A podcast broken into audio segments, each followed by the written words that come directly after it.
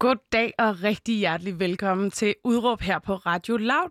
I dag der er det mig, der står her bag mikrofonen. Mit navn er Maja Bader, og jeg skal den næste times tid spille et par klip fra nogle tidligere udsendelser for dig, der lytter med derude. I dag der skal det handle om feminisme og om ligestilling, som begge er emner, vi har lavet rigtig mange programmer om. Og derfor har jeg udvalgt øh, tre klip fra nogle af de udsendelser, som jeg personligt allerbedst har kunne lide, og som i hvert fald har gjort mig en del klogere på både feminisme og på ligestilling. Det første klip, som du skal lytte til i dag, det er med historiker og podcastvært Gry Jeksen, som øh, også er skaberen bag podcasten Kvinde kend din historie. Gry, hun er i studiet med vores vært Pauline Kloster for at tale om, hvorfor kvinder egentlig ikke fylder ret meget i historien. Og i det her klip, der skal du blandt andet høre Gry forklare kvindernes rolle gennem tiden, hvorfor det er vigtigt med kvindelige rollemodeller i historiebøgerne, og hvorfor at nogle af de kønsroller, som vi taler rigtig meget om i dag, faktisk ikke nødvendigvis handler om, hvad der er naturligt eller ej, men nærmere er et spørgsmål om, hvad der er kulturligt eller kulturelt betinget. Gry, vil du ikke lige prøve at sige, hvad er det, dit udråb er? Mit udråb, det er, at vi skal skabe ligestilling i vores historie. Det er det, vi skal tale om timen igennem, og også hvordan det her kommer til udtryk i dit eget liv, og hvordan du selv er blevet overbevist om, at det er, det er en vigtig ting at få på øh, ind i historiebøgerne. Øh, hvorfor er det, vi skal tale om det her? Vi skal tale om det, fordi at øh, jeg tror på, at den historie, som vi fortæller hinanden om os selv som land og folk, øh, og som vi har fortalt om os selv og til hinanden i, i flere hundrede, flere tusind år, har enormt stor indflydelse på, hvordan vi forstår os selv nu, men også hvordan vi kan forestille os en fremtid. Og øh, derfor så er det vigtigt, at vi skaber en nuanceret historie, og vi fortæller en nuanceret historie til hinanden, så vi kan forestille os noget mere nuanceret i fremtiden, kan man sige. Og det er jo også på et grundlag, øh, hvor der ikke har været så mange kvinder, der har været øh, tydelige i historien. Hvorfor mener du, det, det er på den måde? Altså, at kvinder ikke fylder så meget i historien? Mm. Øhm, jamen, der er jo øh, faktisk en, øh, mange forklaringer på det, men det, den, den bedste forklaring, jeg kan komme med som historiker, det, det handler simpelthen om den periode, hvor historiefaget blev et videnskabeligt fag. Og den periode i vores historie, hvor at det blev vigtigt at skrive en, en, en, en historie frem om vores nation. Og det var i, øh, i 1800-tallet. Mm. Lige op, altså man, man kan næsten sige, altså i, i historiefaget, der taler man om moderne tid, som øh, kører fra øh, den franske revolution i, i 1789 og så frem til sådan cirka 2. verdenskrig. Mm. Øhm, og det var øh, i den periode, der, der gik Europa ligesom fra at være små fyrstedømmer, små kongedømmer, til at blive nationer med øh, mere eller mindre demokratiske øh, styreformer. Mm. Og der, der blev det vigtigt at skrive nationens magt frem, og det var også der, videnskaberne virkelig været frem der i starten og midten af 1800-tallet. Og 1800-tallet, hvis man kigger på 1800-tallet i forhold til kvinder og mænds liv, så var 1800-tallet et ekstremt lavpunkt for kvinder. De havde så utrolig få rettigheder over sig selv. Øh, der var øh, meget, meget lidt ligestilling mellem kønnene i 1800-tallet. Når historikerne i 1800-tallet, som jo var mænd, fordi kvinder havde ikke adgang til uddannelse, de sad og skrev Danmarks historie. Så skrev de om fortiden med det syn, de havde på nutiden. Så de skrev om kønsroller, øh, der var i 1800-tallet, som om de altid havde været der. Mm. Giver det mening, jeg Ja, det gør det. Jeg skulle bare lige, uh, de skriver om fortiden ja. med den måde, de opfatter uh, tingene på i nutiden. Ja. Og det, det gør man på en eller anden måde stadig. Ja. Men, men uh, jeg tænker bare, uh, er det ikke naturligt, når kvinderne har været dem, der er i baggrunden, at, øh, at historien også skildrer, at kvinder på en eller anden måde har været sekundære, altså som øh, en anden teoretiker, som ikke er historiker nødvendigvis, men Simone de Beauvoir i talsæt, ligesom det her med det andet køn. Er det ikke fint, at når vi retter blikket øh, på den historie, der er øh, forbigået øh, den tid, vi er, tidslinje, vi er på nu, øh, at man ligesom øh, bliver opmærksom på, at kvinder har ikke været synlige i offentligheden, eller hvad tænker du om det? Jo, altså det er jo ikke fordi, vi skal skrive, øh, øh, det er jo ikke fordi, vi skal tage alle de øh, historiebøger, der er skrevet os og brænde dem, og nu skal vi skrive helt nye. Altså det, det er slet ikke den øh, mission, jeg er ude på. Men øh, fordi kvind, bare fordi kvinderne ikke eksisterede i, det, i den offentlige sfære på samme måde, som mænd gjorde, og at de heller ikke er blevet nævnt så meget i historiebøgerne, så betyder det ikke, at de ikke var der. Altså historien er skrevet af mænd, om mænd, og til mænd, men historien er jo lige så meget levet af kvinder. Mm.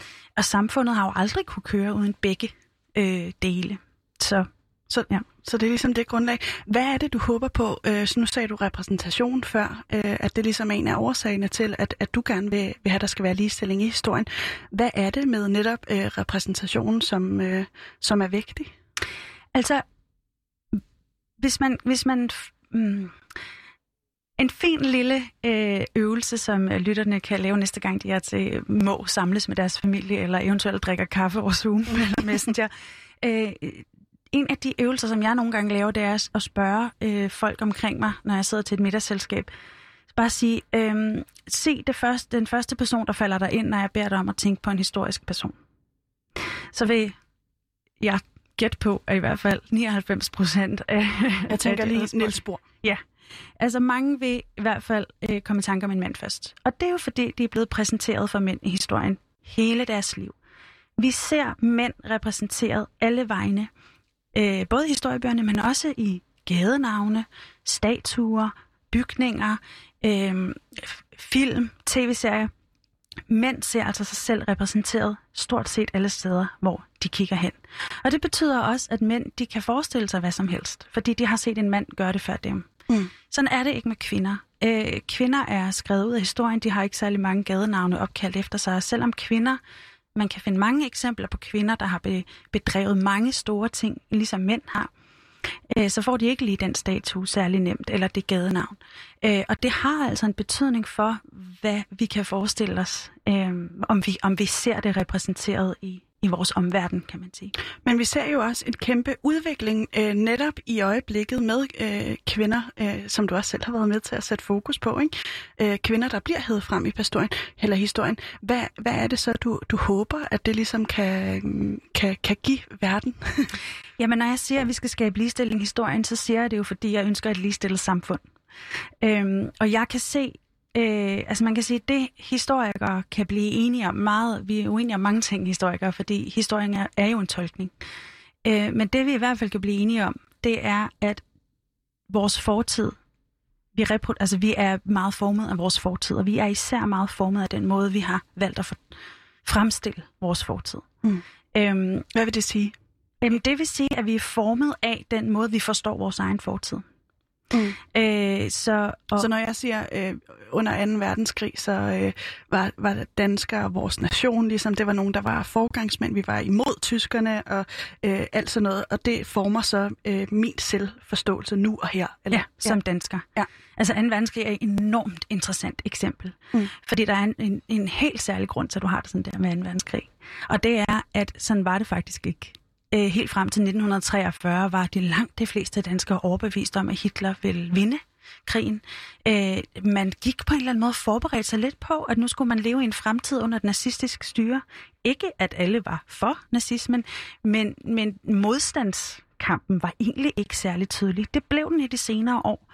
Øh, og grunden til, at vi har skrevet modstanden så meget frem i vores Danmarks historie, det er, at det blev en politisk nødvendighed at skrive os frem som modstander af nazismen. Fordi det, der jo skete efter 2. verdenskrig, det var, at USA og Rusland, de skulle, nu ser jeg i gåse øjne her, det kan man ikke se, men dele verden mellem sig. Mm. Og der vil vi rigtig, rigtig gerne være på USA's øh, side der. Og der galt det jo så om at vise, at vi har ikke øh, været interesseret i at, at, at være under Hitler. Øhm, og det kunne man blandt andet gøre ved at vise modstandskampens øh, hvad hedder det, bedrifter, ikke? Mm. Fordi vi gjorde ikke modstand, da de besatte os, i hvert fald ikke ret meget. Oh, det er sindssygt interessant, ikke? Men når du siger skriv, skriv historien frem, øhm, så lyder det jo som om, der er nogen nu og her, der sidder og skriver en bog, hvor, og det er ligesom det, der bliver til Danmarks historien. Hvad mener du, når du siger skriv historien frem? Øhm, altså, det er jo sådan set bare den måde, vi fremstiller, hvad, hvad synes vi, børnene skal lære i skolen? Hvad synes vi, at øh, der skal udstilles på museerne? Øhm, hvad synes vi, at øh, teaterstykkerne skal handle om? Romanerne? Altså, det er alle steder. Vores historie er jo alle steder, og alle mennesker har jo behov for en historie om sig selv. Alle mennesker har behov for at vide, hvor kommer jeg fra? Hvad er jeg formet af? Øhm, og der ligger altså nogle sandheder omkring mænd og kvinder i, i, i de historie fremstillinger, som er indtil nu, som, som, som vi alle sammen reproducerer, fordi vi ikke kan forestille os noget andet. Øhm, okay, og det, og det bliver jo også på en eller anden måde tydeliggjort med netop det her, du, du i tale sætter med, at, øh, at historien også danner øh, fremtiden.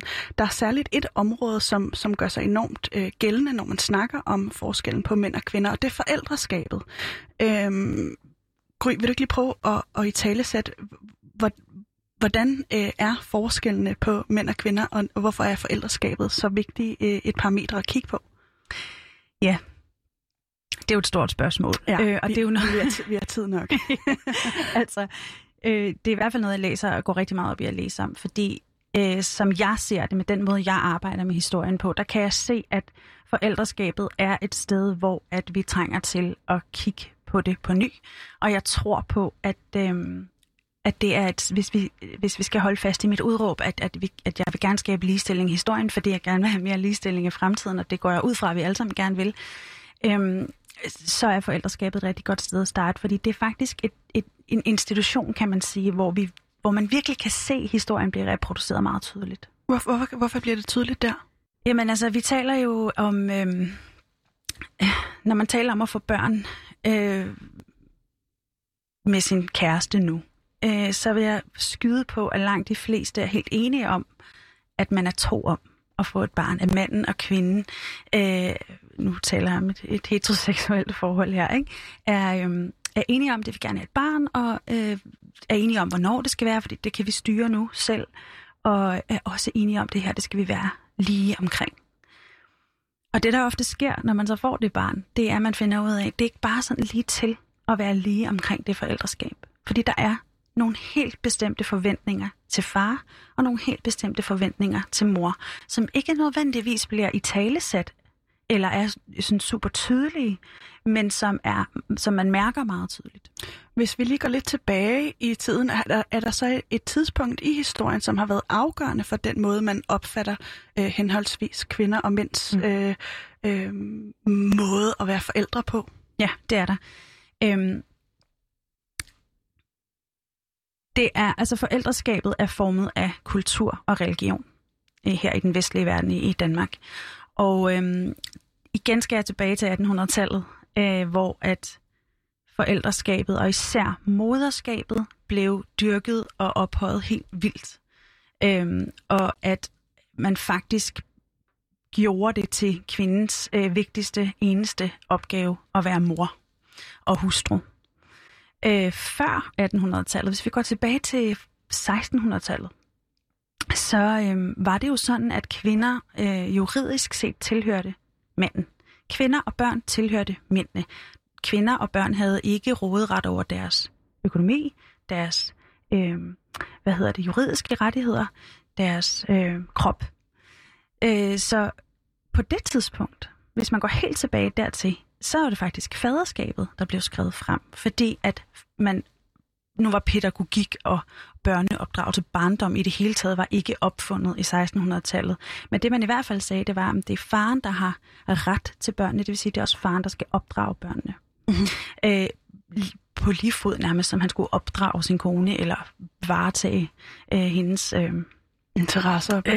ja, man kan sige, jeg ved ikke, om han varetog hendes interesser, men, men ja, nu kommer jeg øh, livet på et tidsspor, men, men det er bare for at sige, at moderskabet, som, som, det, er blevet, som det blev dyrket rigtig meget i 1800-tallet, hvor, mor, hvor kvinden skulle være mor først og fremmest hustru, øh, sørge for hjemmet, øh, at det hele den her viktorianske tid, hvor at der virkelig, virkelig blev lavet en skarp opdeling med, hvor mænd og kvinder skulle være, og en virkelig skarp opdeling i historien om manden og kvinden, det er den tid, vores øh, måde at være forældre på er formet af i dag. Og øh, nu ser du det her med, at, at det, det blev i, i den viktorianske tid, at det bliver kvinden, der bliver den afgørende, i hvert fald på øh, inden for hjemmets fire vægge, altså når vi snakker børneopdragelse, og vi snakker, øh, og hun skal tage, tage vare på manden, øh, og lave mad og alt det her. Hvordan var øh, fædrenes rolle på det tidspunkt så?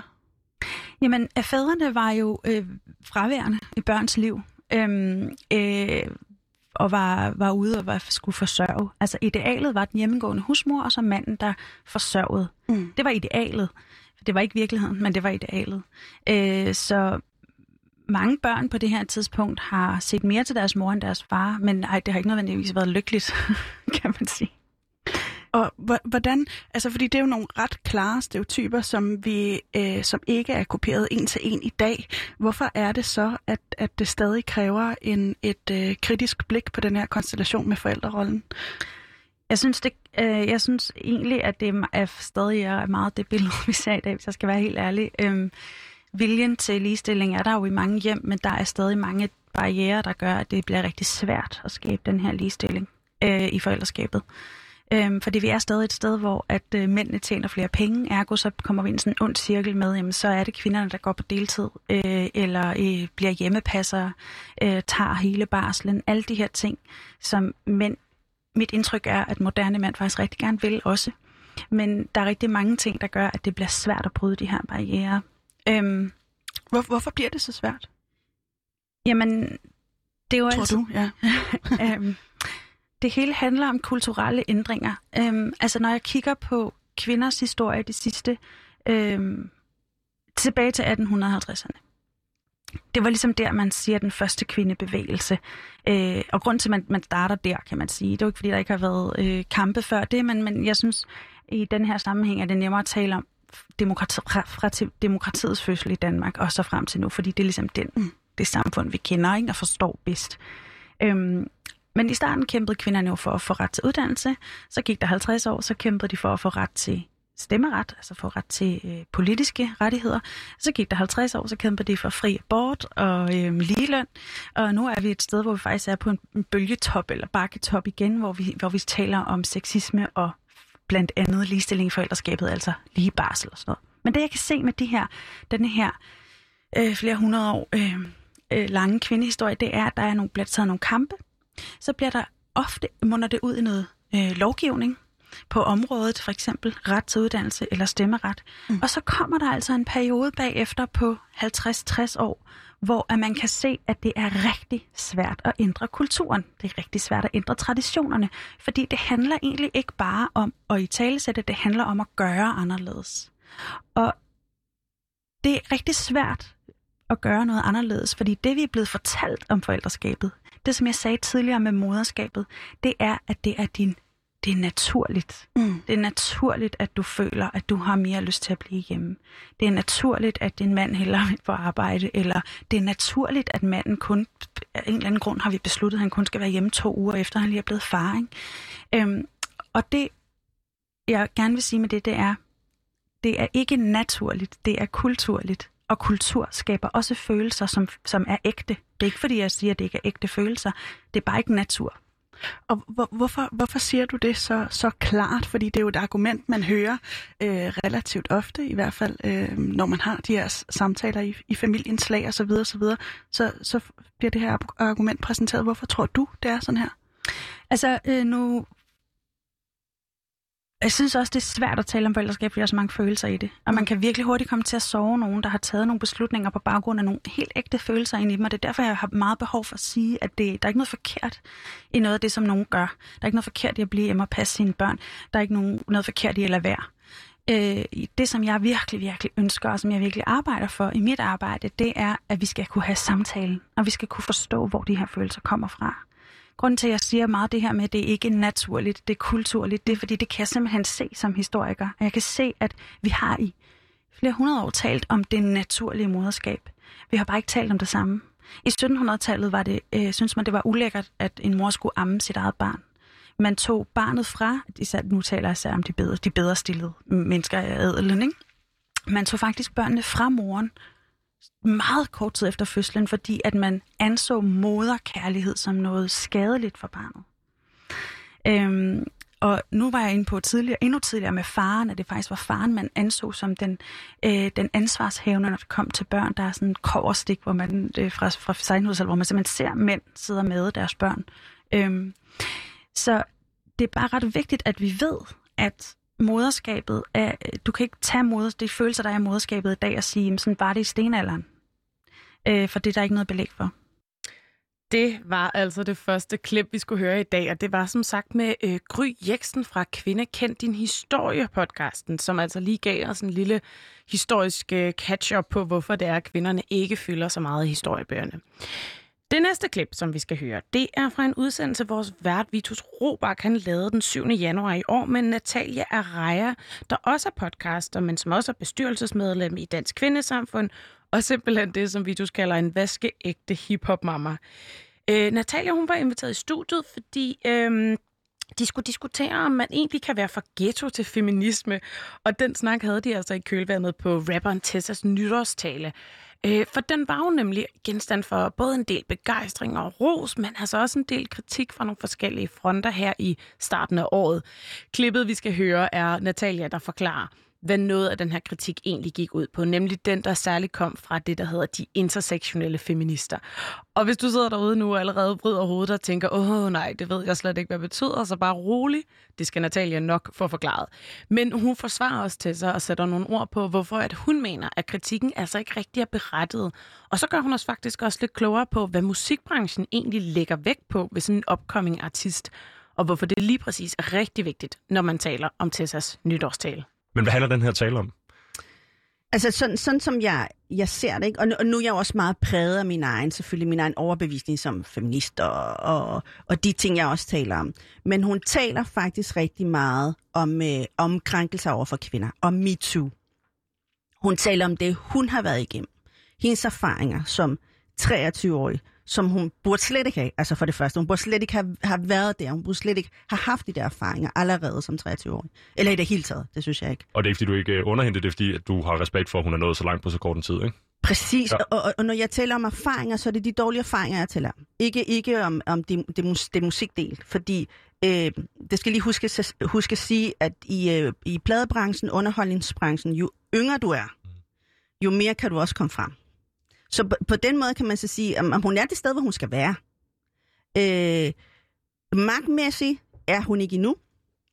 Og når jeg siger magtmæssigt, så er det jo, hun er lige kommet frem. Det tager, altså, jeg har været koreograf for, for Natasha, før hun døde. Det tog hende 10 år nærmest at komme frem, ikke? Og det var nærmest, da hun døde, at folk fandt ud af, hvem hun var. Her fra Danmark i hvert fald, ikke? I hvert fald. Tessa, og, vi, og igen, ikke, jeg hader at sammenligne folk, især kvinder, det skal jeg jo ikke, men, men jeg gør det bare i forhold til, at folk kan forstå, hvordan underholdningsbranchen også virker.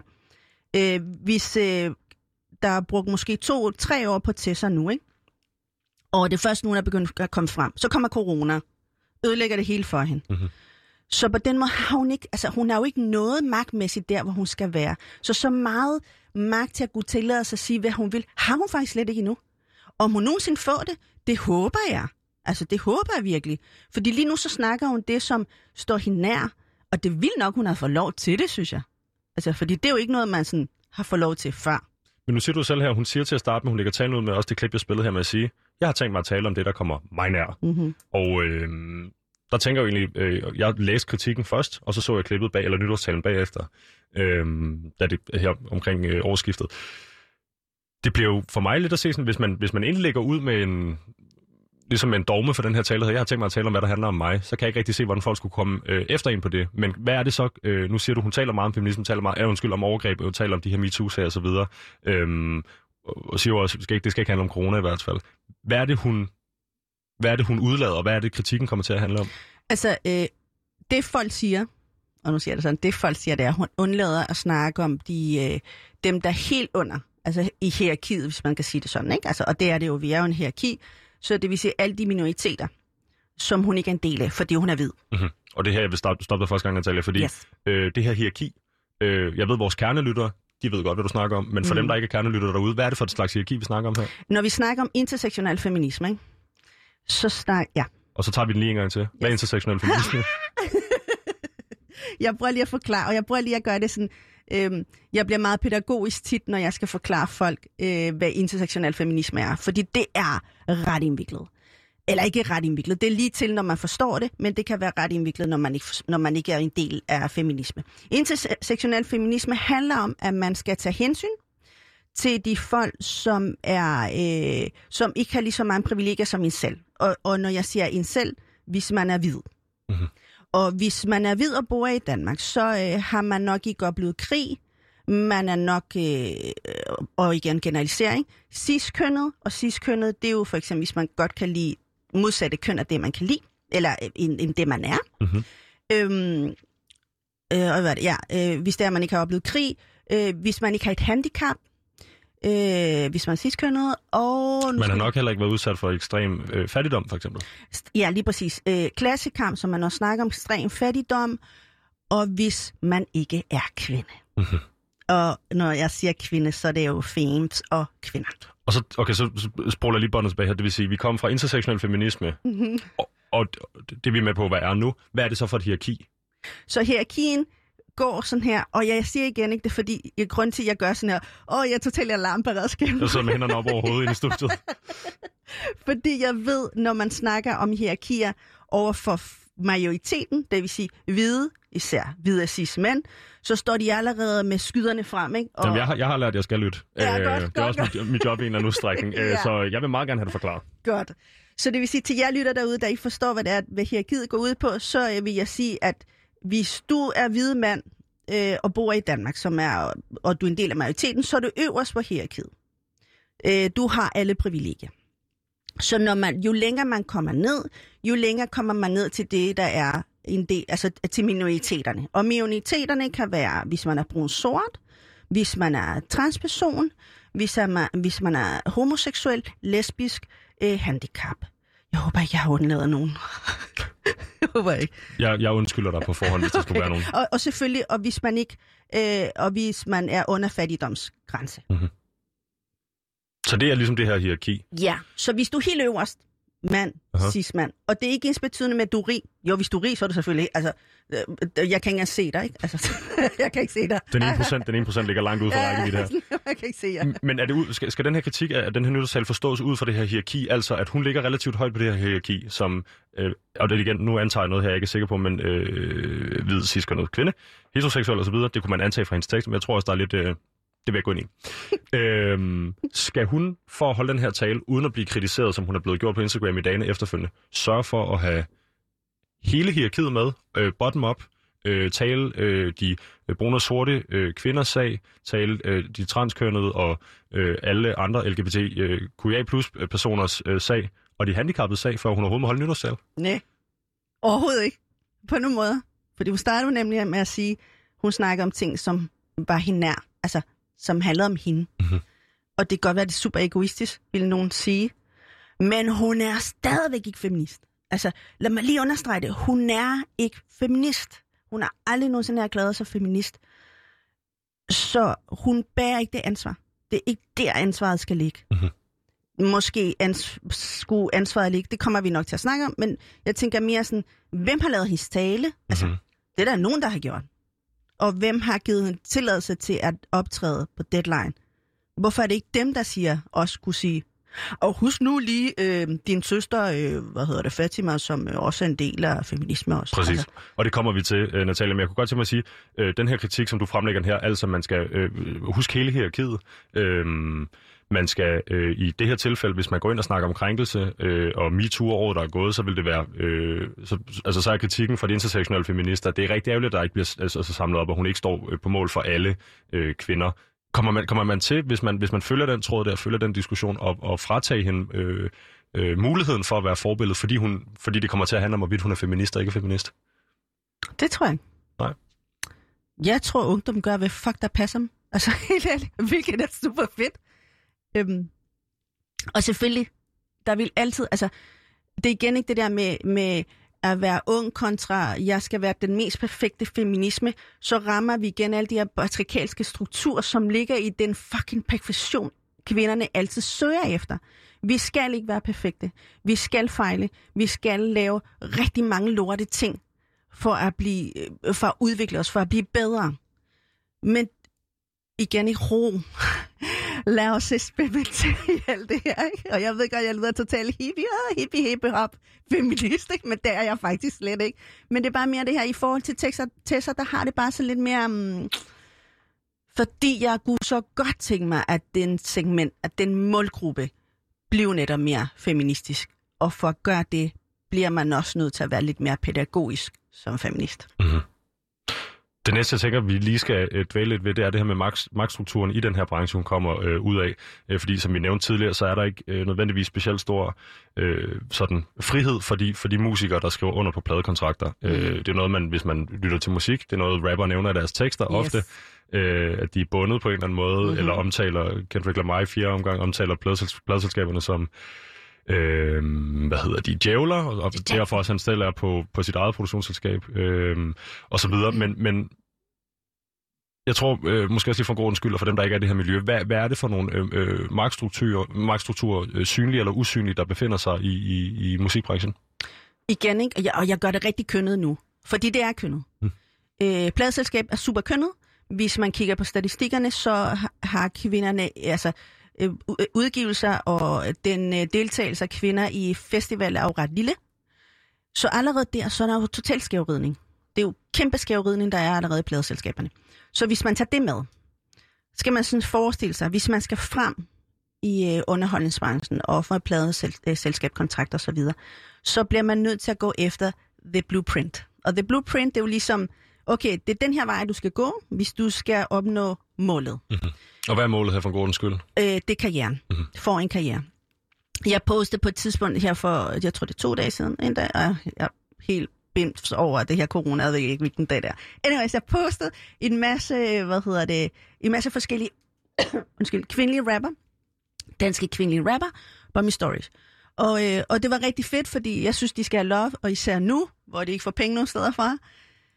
Og det, jeg hørte, og det, der gjorde mig endnu mere ked af det også, det er det her med sådan, ej mand, fedt mand, jeg elsker din podcast og sådan noget. Ej, jeg følger med, og jeg var sådan helt overrasket over, at de overhovedet hørte det. Og samtidig at få at vide, jeg er med på alt det, du siger, men jeg må ikke selv sige det. Mm. Og hvorfor må det ikke det? På grund af min karriere. Og det er vildt at tænke på. Er stadig den dag i dag, 2021, er der selvfølgelig nogle ting, du skal tænke på, at du ikke må sige, eller blande dig i, fordi til sig. Altså igen, ikke? Så kommer det her pff, tsunami over for folk, der overhovedet udtaler sig om noget, ikke? Og øh, hvis det er sådan, at øh, kvindelige rapper, øh, og nu har jeg fulgt med på den her, så jeg har set, hvad der er for nogle, der ligger, jeg tør godt sige, at de alle sammen har mindre, og nu snakker du om magt. Vi kunne mm. også snakke om, hvad hedder det, eksponering, end Tessa har på nuværende tidspunkt, yes. de fleste af dem.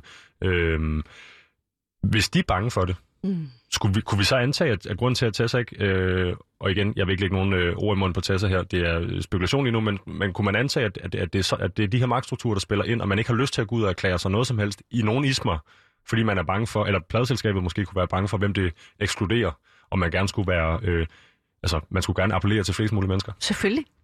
Selvfølgelig, altså, øh, man, vi skal ikke komme udenom, at Tessa er jo også en vare. Og skal man sælge en vare, jeg ved ikke, hvor mange der... Altså, hvis, hvis man nu skal sælge en vare, hvis det er, man, man, man, man sælger ting, eller har et brand eller et eller andet, så ved man godt, for at, at kunne sælge den her vare, så skal den sælges til så mange mennesker som muligt. Det er jo, det er jo logisk. Og for at kunne gøre, gøre det, så er det vigtigt, at den er, den er bred. Altså, at den kan ramme, som du siger, så mange som muligt. Så nytter det ikke noget, at øh, Tessa kun snakker til feministerne, så sælger hun ikke noget til øh, Brian fra Albeslund. Eller, jeg hader det. Men bare, bare lige sådan for, for at understrege det, ikke for at putte nogen i bås, men bare for at understrege det her med sådan, Brian gider da ikke at høre på feministiske ting.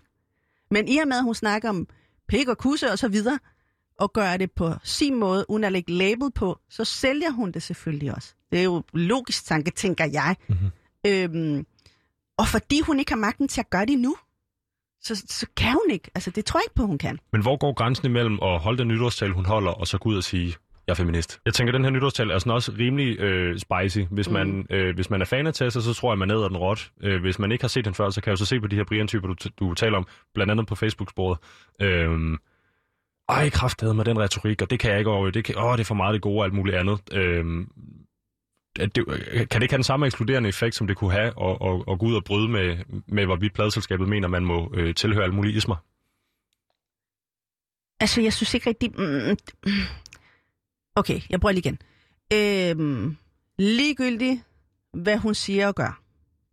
Hvis du er en cismand, og øh, synes, det er nederen, at hun udtaler eller laver de her lyrikker, hun gør, så er du på en eller anden måde udelukket også. Fordi det vil der komme ligegyldigt hvad. Altså, du sagde det jo selv. Ligegyldigt hvad hun siger, så vil der altid komme haters. Og de fleste haters er mænd. Det er de, Mhm. mm-hmm. fordi vi har jo de her strukturer med, at kvinder skal helst være på en bestemt måde.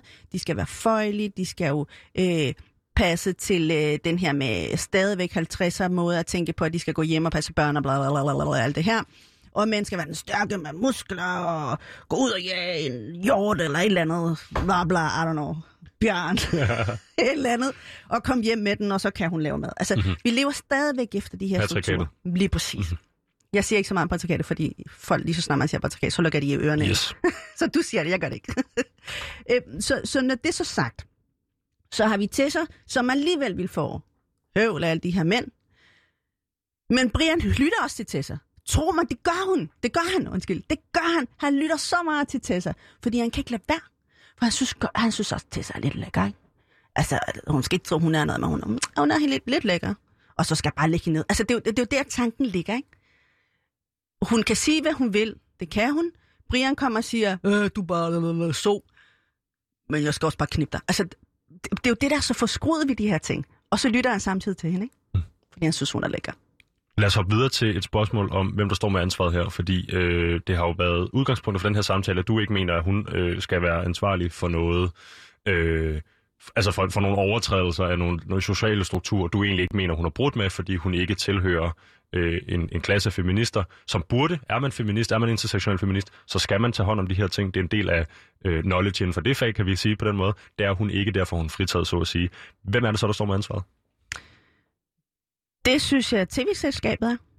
Altså, den, øh, jeg har sådan en forestilling om, når jeg tænker underholdningsbranchen. Øh, den her øh, hvide store mand, der sidder med sin habit bag skærmen, eller bag bordet. Det er hans ansvar. Det er hans ansvar at ændre på tingene. Det er hans ansvar at finde ud af, som jeg også har sagt til politikerne før, lyt til rap. Ja, ja, men lytter du rigtigt?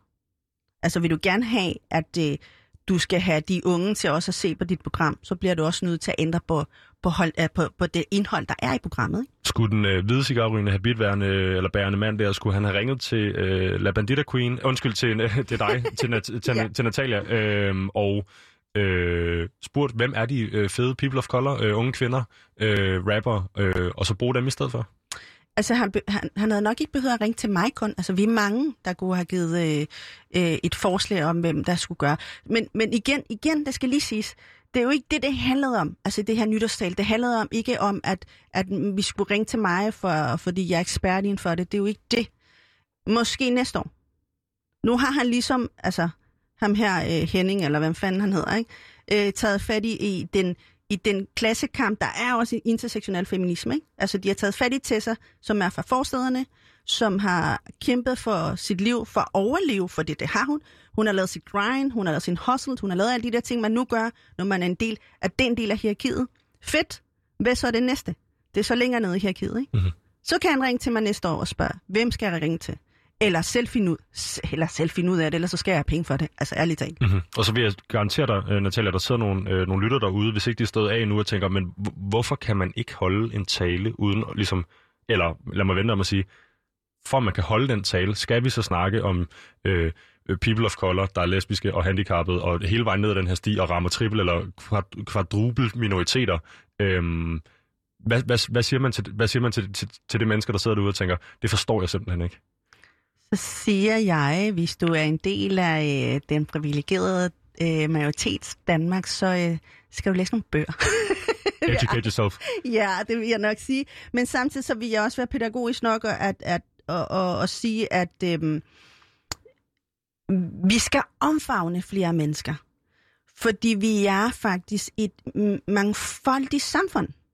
Altså, vi har ikke kun Brian, Bettina den her verden mere. Altså i lille Danmark har vi masser af andre mennesker, som også er en del af samfundet, som også knokler hver dag, som også går på arbejde bag skærmen derhjemme, øh, som også kører i taxa, som også kører i bus, som også er sygeplejerske. Altså vi har jo så mange folk, der er mangfoldige i Danmark.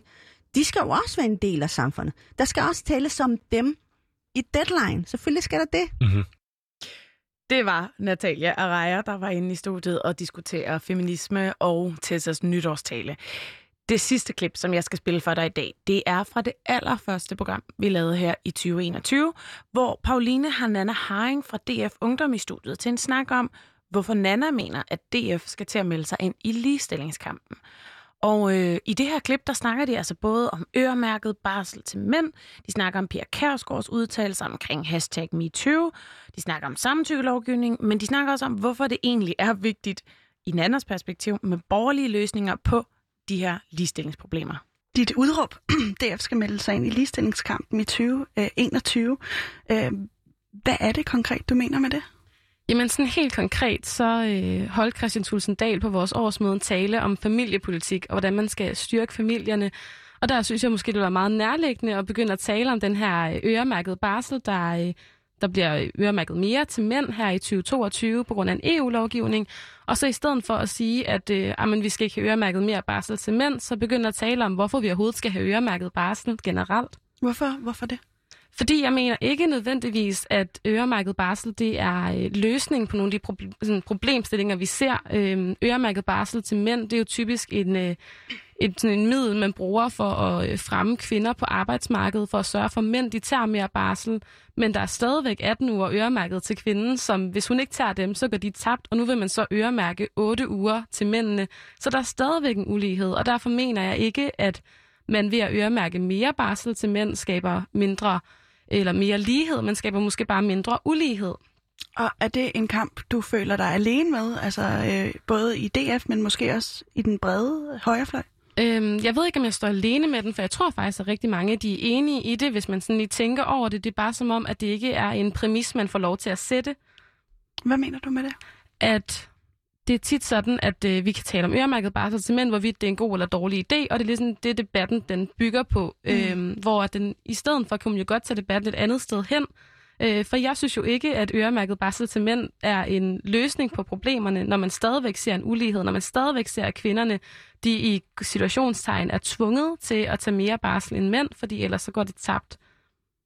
Så det der, du står, hvordan er øh, DF's holdning med det der angår? Jamen det er jo ikke noget, som der sådan bliver talt om i DF, så det er jo ikke noget, som er sådan en problematik eller en dagsorden, der bliver sat, og det synes jeg er med fordel, man kunne gøre, også for at skille lidt ud, også for at komme med nogle reelle løsninger på den her ligestillingsproblematik, som jeg mener, der er, mm. og som jeg mener, man skal anerkende fra alle partiers side. Hvordan ser du lige, eller, øh, at der ikke er øh, ligestilling? Der er en ligestillingsproblematik, ser du. Hvordan? Jamen altså, den ser man jo øh, for eksempel meget konkret i øremærket barsel, øh, eller i barsel generelt, hvor man ser, at kvinderne kommer bagud på arbejdsmarkedet.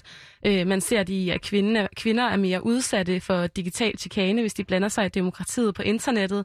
Man ser det i hele sexismespørgsmålet, hvor man også som kvinde er meget mere udsat, og man skal igennem nogle andre ting som kvinde, hvis man deltager i demokratiet, eller hvis man er aktiv i et parti. Og er det... Øh, jeg tænker bare, er der, er der en forskel? Fordi du, du, du siger ligestilling. Øh, jeg vil kategorisere det der som feminisme. Hvorfor er det ikke feminisme, vi snakker om? Fordi jeg ønsker ikke, at vi kan også godt kalde det feminisme, det er sådan set underordnet. Jeg synes bare, at ligestilling er et mere øh, neutralt ord, fordi at øh, det ligesom har været venstrefløjen, der har fået lov til at øh, de, sådan, dominere hele den her feminisme-dagsordenen. Mm. Øh, så det er sådan set underordnet, hvad vi kalder det. Øh, hovedessensen af det, af, i det er jo, at man skal skabe lige muligheder for mænd og kvinder.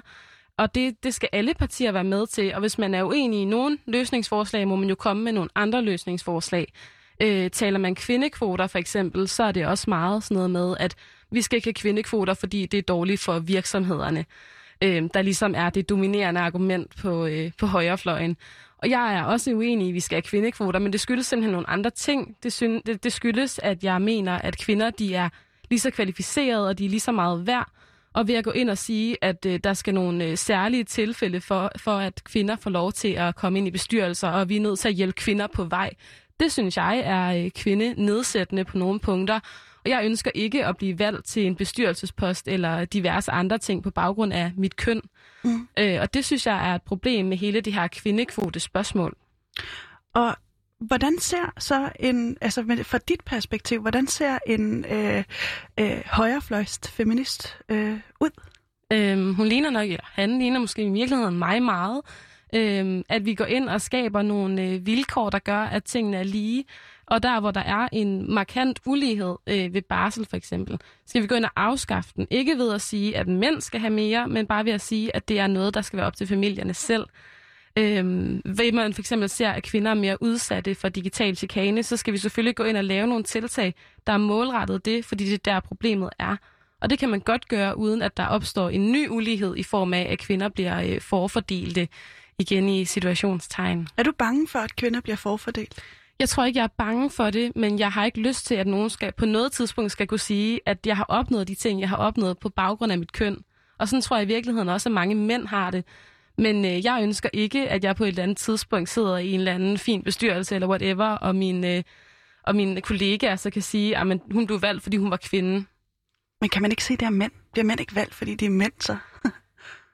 Altså, det kan man måske godt sige på nogle punkter, og tit så tror jeg også, det spiller ind på en eller anden øh, façon, fordi at øh, mænd og kvinder typisk bidrager med forskellige øh, kompetencer, og der skal man selvfølgelig blive bedre til, måske især i bestyrelsessituationer, at se kvinders øh, kompetencer og kvalifikationer, og, øh, og vælge nogen, der supplerer øh, det, som dem, der sidder der i forvejen, kan. Øhm, men jeg tror stadigvæk på, ikke, ikke på, at det er noget, man skal begynde at lovgive sig ud af. Mm. Man skal måske i stedet for begynde at sætte mere fokus på det der med, at der er forskellige kompetencer og kvalifikationer. Som er lige prisværdige. Ja, lige præcis. Og Nana, øh, hvem bærer ansvaret for det her, som du ser det? Det synes jeg, vi alle sammen gør. Øhm, det er noget, som vi skal begynde at tale om i højere grad. Det der med, at bare fordi man har forskellige kompetencer, så betyder det ikke, at nogen de er mere værd end andre. Øhm, vi skal begynde at lave nogle strukturer i samfundet, der gør, at, at der er lige muligheder. At kvinder for eksempel ikke kommer bagud på arbejdsmarkedet på grund af, at de skal på barsel og at det ikke længere skal være mere øh, lukrativt at ansætte en mand i stedet for en kvinde, mm. fordi man frygter, hun skal på barsel i fire år.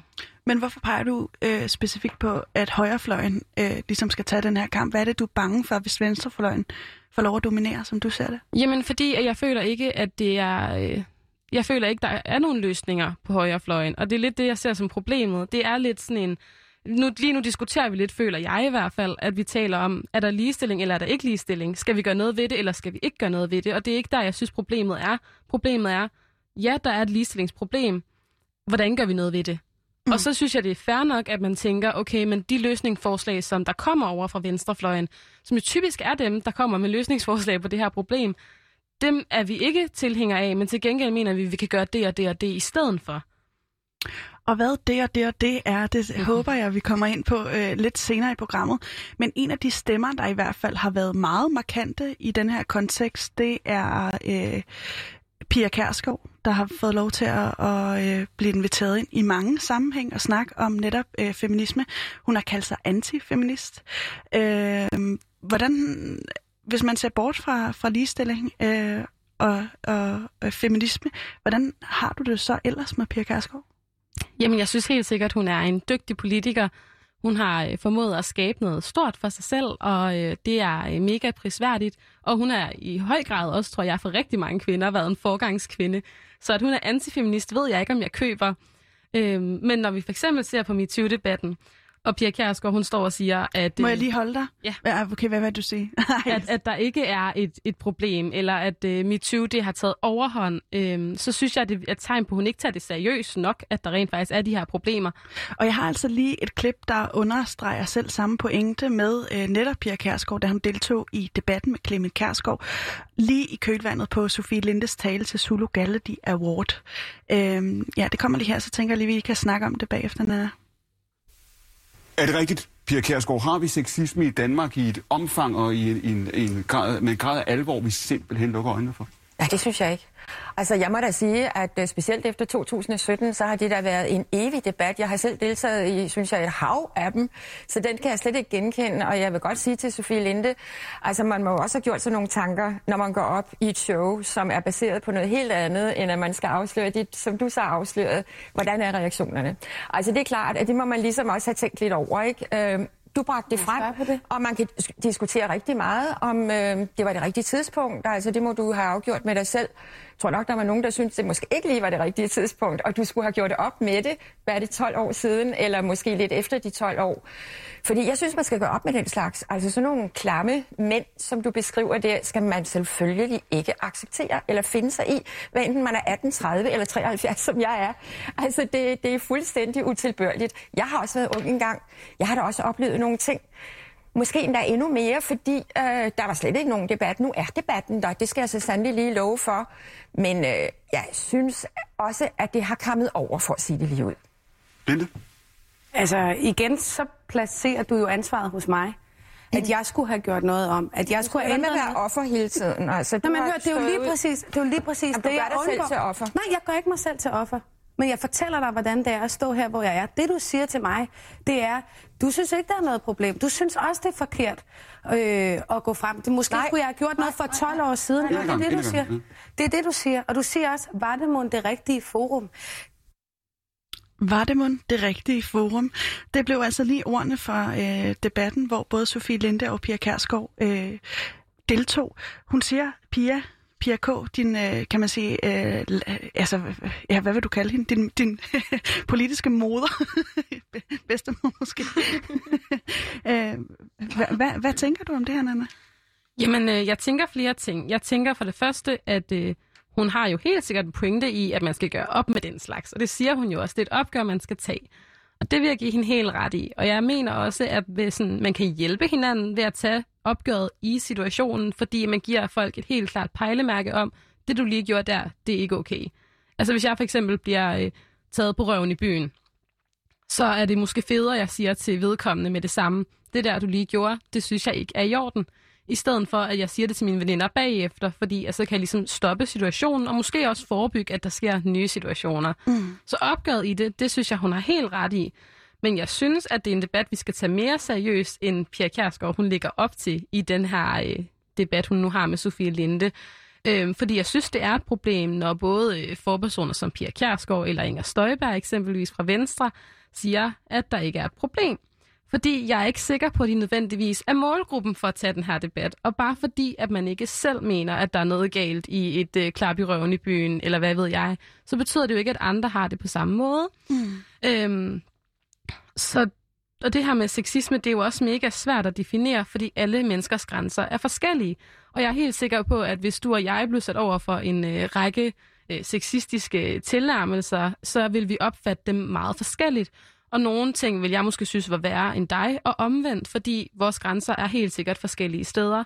Og det skal vi jo have en kæmpe stor samtale om, og der skal vi hjælpe hinanden med at sige fra i situationerne. Øhm, nu arbejder jeg for eksempel også på Heidi Spierbar i min fritid. og, øh, og der er der øh, tit nogen, der godt kan finde på lige at øh, løfte op i kjolen, eller sådan diverse andre ting, som jo er sexistiske for rigtig mange. Jeg tror lidt, jeg har det sådan, at når jeg er på arbejde, jeg ved godt, jeg har en, en tæt tyrolerkjole på, der ikke ligefrem er... Øh, der ikke ligefrem skjuler særlig meget, men jeg ved så også, at jeg har indershorts på indenunder, så man vil ikke kunne se noget. Øhm, så jeg tror ikke nødvendigvis, at jeg ligger så meget i, at nogen for eksempel ligger op i kjolen. Okay. Øhm, fordi at jeg ligesom bare tænker, om de er bare fulde, og det sker der ikke noget ved, fordi jeg har ligesom tøj på indenunder. Mm. Men jeg ser jo alligevel fra i situationen, fordi jeg ved, at jeg har nogle kvindelige kollegaer, der synes, at det kan være rigtig svært. Så derfor så er jeg meget, øh, meget sådan hurtigt til at sige, hvis du gør det der en gang til, så bliver du smidt ud. Fordi det er simpelthen ikke i orden. Og det skyldes jo også, at vi alle sammen har et ansvar for at sige fra over for hinanden, så vi ligesom undgår at sætte andre i situationer, som vi godt ved kan være ubehagelige for dem. Og det synes jeg lidt, at øh, Pia Kjærsgaard, hun tager fra nogle kvinder, når hun siger de her ting. Og er det... øh, Ja, hvad kan, hvordan, hvordan kan jeg formulere det? Er det? Strider det på en eller anden måde ikke lidt imod de borgerlige værdier, altså øh, højrefløjens værdier, og lade staten gå ind og dominere på netop sådan nogle her områder som ligestilling? Jo, jeg synes, at vi har et kæmpe stort ansvar for, at vi alle sammen siger fra, og at vi alle sammen gør noget ved det her, når vi møder det ude i samfundet. Det var simpelthen desværre alt, hvad vi kunne nå at høre øh, fra det her øh, tidligere program, der netop var med Nana Haring fra DF Ungdom, der var inde i studiet for at snakke om, hvordan DF kan komme ind i øh, ligestillingsdebatten. Øh, du skal have tusind tak for at have lyttet med. Jeg håber virkelig, vi lyttes ved en anden rigtig god gang. Øh, mit navn er Maja Bader. og Programmet her var produceret af Rakkerpark Productions for Radio Loud.